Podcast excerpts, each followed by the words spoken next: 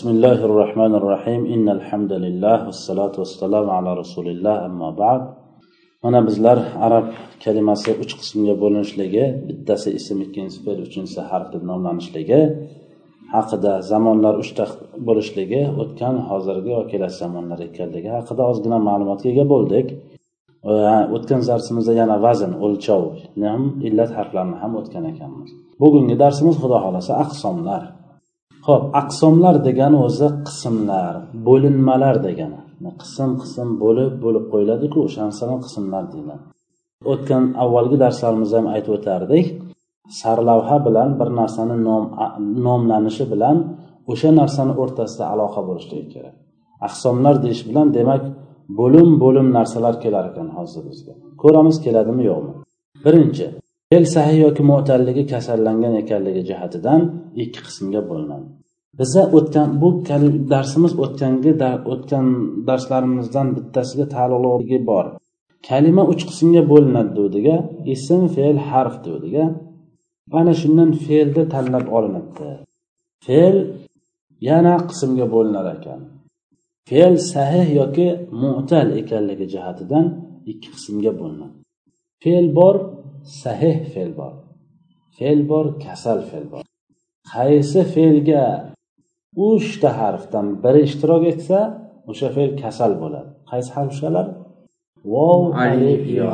chunki ular illat kasallangan harflar. Bir narsa kasallangan narsa bir kishini badaniga kelib tushsa u ham kasal bo'lish ehtimoli mumkin. Kasal agar kelib tushsa shuning uchun ham fe'l sahih yoki kasallang mu'tal deyiladi shuni. Kasallangan degan narsani sahih deb arab tilida ham sahih deyiladi. Kasallangan degan so'z u o'zbekcha arabchasi mu'tal deyiladi. Ana shu jihatidan ikki qismga bo'linadi. Birinchisi sahih ikkinchisi mu'tal kasal. Shu ikkovga bo'linadi. Nima uchun buni sahih kasal ekanligini bilishlik kerak ekan desa biz uni foydasini keyinroq bilamiz. Ho'p o'zak harflardan birortasi illat harflaridan bo'lmagan kalimaga sahih harf deyiladi sahih deyiladi. O'zak harflardan birortasi illat harflaridan bo'lmasligi kerak. Biz o'tdik o'tgan safargi darsimizda o'zak harfi bor zoida qo'shimcha harflari bor dedik. Qo'shimcha harflari illat harfi bo'lsa bo'laveradi lekin o'zak harflari o'zak harflari agar ga birorta illat harfi ishtirok etmasa o'sha kalimani sahih deyiladi. Masalan qolamun kalimasini oladigan bo'lsak qolamun. Tepasiga yozamiz. Biz taroziga tortishni o'rganib oldikku qolamun faalun. Feni ro'barosida qof ayni ro'barosida lom lomni ro'barosida mim. Demak uchovi ham bu yerda nima? O'zak harflar zoida harf bormi? Yo'q. Fe ayn lomni ro'barusida turgan hamma harflar o'zak. harfi deyiladi. Shu fe ayn lomni tagma tag yozganimizda feni to'g'risiga kelgan aynni to'g'risida kelgan lomni to'g'risida kelgan hamma harflar o'zak harfi deyiladi.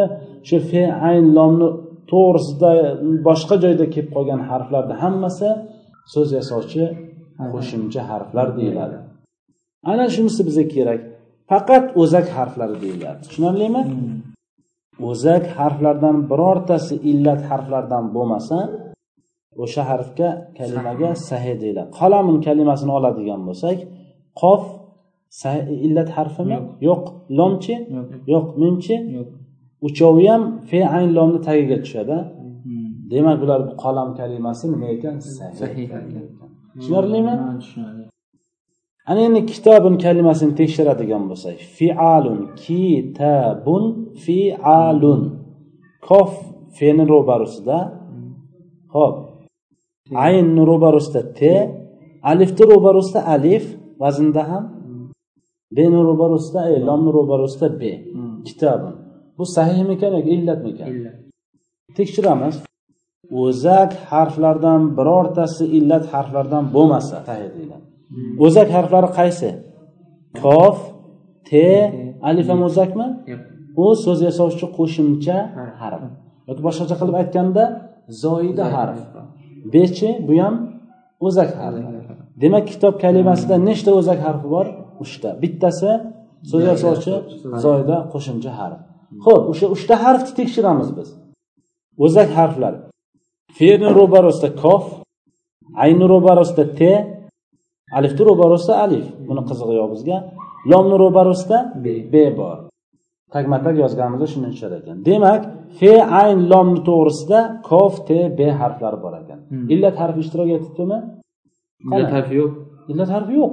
Demak bu sahihmikan yoki mu'talmikan sahih Sahih. Qarangki qizig'i shundaki alif kelib turibdiku. Vov alif yo'q. Lekin so'z lekin u o'zak harf emas u so'z yasovchi zoida harf shuning uchun e'tibor berish kerakki o'zak harflardan birortasi illat harfi bo'lib qolsa. Mahmudun kalimasini olamiz. Mahmudun. Maf'ulun. Mimni ro'barusida vaznda mim bor. Feni ro'barusida he bor. Hmm. ayni ro'barusida mim bor vovni ro'barusida vov bor. Lomni ro'barusida dol bor. He mim dol harflari nima ekan? O'zak. O'z o'zak harflari. mim bilan birinchi mim bilan ikkinchi ey ana vovchi bu so'z yasovchi zoida qo'shimcha harflar. Demak qoidamiz aytdikki o'zak harflardan birortasi illat harfi bo'lmasa sahih deyiladi. Hmm. Bu yerda o'zak harflarda birortasi illat harf bormi? Mahmudunda he mim dol o'zak harflar. Birortasi illat harfimi? Vov alif yo'qmi he he mim mim dol dol. Bitta vov alif yo yo'q. Agarchi shu kalimani tekshirsangiz vov borku. Lekin u so'z yasovchi qo'shimcha harf. Shuning uchun agarchi shu kalimada illat harfi ishtirok etgan bo'lsa ham biz buni nima deymiz? Sahih kalima deymiz. Nima uchun? Chunki o'zak harfiga illat harfi ishtirok etgan. Kalimaga ishtirok etganku desa kalimaga ishtirok etgan lekin kalimani so'z yasovchi zoida qo'shimcha harflarida ishtirok etgan. O'zak harfida esa illat harfi ishtirok etmagan. Shuning uchun bu narsa tufayli biz sahih bu kalimani. Tushunarlimi? Masalan bu yerda misol keltiribdilar. Faala zoraba juda oddiy keltiribdilar. Zot vov emas re alif emas b yo emas.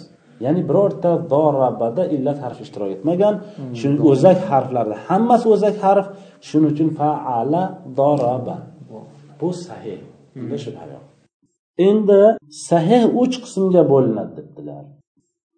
Solim mahmuz muzoaf hammasini nommalab bilib olamiz yodlab olamiz. Solim mahmuz muzoaf ho'p birinchi tekshiramiz. Solim o'zak harflariga hamza yoki ikki bir xil harf ishtirok etmagan kalimaga solim deyiladi. Qarang o'zak harflariga o'zak harflarini biz bildik a masalan do ro ba. Hammasi o'zak harflar. Faala qayerdan bildik desak taroziga soldik fe ayn lomni ro'barasida zot re b bor ekan. Qaysi harflariki fe ayn lomni tagma tag yozganimizda tagma tag tushsa o'sha harflar bizga o'zak harflar dedik shu o'zak harflarni tekshiramiz demak a o'zak harflariga hamza ishtirok etmasa mana dorabada hamza bormi? Zot re beda hamza bormi? Hamza yo'q. Ikkita bir xil harf ishtirok etmasa ikkita bir xil harfni biz o'tdik o'tgan safar. Tajvidda masalan farara. Ikkita bir xil harf bor a o'sha ham hamzasi bo'lmasa ham ikkita bir xil harf bo'lmasa uni solim deyilar ekan. Rosa tozasi kalimani. Masalan birinchi sort bo'lishi mumkin judayam высший sort bo'lishi mumkin.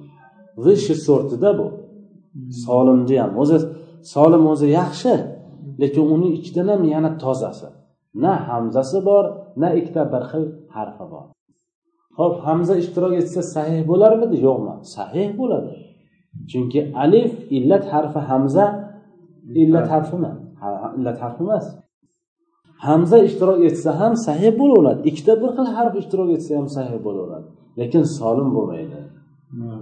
Solim bo'lishligi uchun hamza ham bo'lmasligi kerak ikkita bir xil harf ham bo'lishligi bo'lmasligi kerak. Masalan desa doroba. Hamza bormi? Yo'q. Ikkita bir xil harf bormi? Yo'q uchovi ham uch xil harf. Bittasi zot ikkinchisi re uchinchisi be. Uchovi bir bitta bir xil harf yo'q. Shuning uchun bu nima deyiladi? Solim deyiladi. Rosa tozasi degan. Ikkinchisi kalimaning o'zagiga hamza yana e, e'tibor beraylik faqat o'zak harfida haqida gapirilyapti sahiy deyilish uchun o'zak harfi illat harfidan toza bo'lishi kerak. Shunda sahiy bo'ladi. Solim deyishlik uchun o'zak harflari qo'shimcha harflarni ajratib e, qo'shib yubormangizlar o'zak harflari hamza yoki ikkita bir xil harf bo'lmasligi kerak. O'shanda biz buni solim deymiz. Masalan doraba. Ho'p kalimaning o'zagiga hamza ishtirok etadigan bo'lsa mahmuz deyiladi. Mahmuz degani o'zi hamzali degani. Hamzasi bor degani. Mana masalan ahaza ahaza birinchi kalima harf qanaqa? Hamza. Ahaza faala. Tagma tag yozsak feni ro'barasida nima bor? Hamza bor. Kalimaning o'zagimi? Hamza yo o'zagi emasmi? So'z yasovchi qo'shimcha harf emasku nima uchun? Chunki fening tagida kelyapti. Shuning uchun bu o'zak harf. Lekin hamza bo'lganligi uchun nima deyiladi buni? Mahmuz. deyiladi. Ana endi shu ayn ro'barosida kelsa ham uni mahmuz derdik. Hozir bu hamza feni ro'barosida kelibdi faala ahada tushunarlimi? Ayni ro'barosida kelsa ham mahmuz deyiladi lomni ro'barosida ham kelsa ham mahmuz. Lekin feni ro'barosida kelsa mahmuzul fo hamza agar fening tagma tag yozganimizda feni ro'barosida kelsa mahmuzul fo deyiladi. Agar aynni tagida hamza ishtirok etib qolsa faqat o'zak harflarga yana qaytadan e'tibor e'tiborlaringizni tortaman. Zoyida qo'shimcha harflarni emas. Faqat o'zak harflar. O'zak harflariga agar ayni ro'barosiga kelsa mahmuzul ayn deyiladi. Lomni ro'barosida hamza ketib qolsa mahmuzul lom deyiladi. Demak mahmuzlar ham uch qismga bo'linar ekan bu yerda aytilmabdi. Mahmuzul fo mahmuzul ayn mahmuzul lom. Tushunarlimi man so'rab qolishim mumkin qachon mahmuzul lom bo'ladi desam qachonki o'zak harflardan bo'lgan hamza lomni ro'barosida kelsa mahmuzul lom bo'ladi. O'zak harflardan bo'lgan hamza agar o'zak harflardan bo'la turib hamza agar ayni ro'barosiga kelsa mahmuzul ayn bo'ladi. Lomni ro'barosiga kelsa mahmuzul lom bo'ladi deyishgan endi kalimaning o'zagiga ikki bir xil harf ishtirok etadigan bo'lsa muzoaf deyiladi. Kalimaning o'zagi borku yana o'zakka qaytarilyapti. Kalimaning o'zagiga ikkita bir xil harf ishtirok etadigan bo'lsa muzoaf deyiladi. Masalan faala farara. Ayn bilan lomni ro'barasida re va re. Shuning uchun ikkita bir xil harf. Shuning uchun buni muzoaf deyiladi. Muzoaf degani ko'pirtirilgan ya'ni bitta re bitta edi ko'paytirgan ikkita bo'lgan. Shuning uchun muzoaf deb qo'yilgan. Ya'ni muzoaf ya'ni e, ikkita re bitta ishtirok. Endi savol tug'iladida mahmuzlar ham solimlar ham muzoaflar ham sahiyga kiradimi yo'qmi hammasi sahih. Ikkita bir xil ishtirok etgani bilan illat harfi yo'q. Hamza ishtirok etgani bilan illat harfi. yo'q. Hamza bilan ikkita bir xil harf ishtirok etmasa ham baribir illat harfi yo'q. Shuning uchun hammasi sahiyni ichidagi mayda chuyda narsalar edi bular lekin muzoaf ham agar qaraymiz muzoaflar muzoafda agar illat harfi ishtirok etmagan bo'lsa uni nima deymiz? Illat harfi ishtirok etmagan deymiz. Masalan illat harfi ishtirok etgan bo'lsachi? Unda biz mu'tal deymiz. Mu'tal. Deymiz. Tushunarlimi? Bugungi darsimiz shunchasi manimcha yetadi. Subhanakallohumma bihamdik. Ashhadu an la ilaha illa anta astag'firuka va atubu ilayk. Assalomu alaykum va rahmatulloh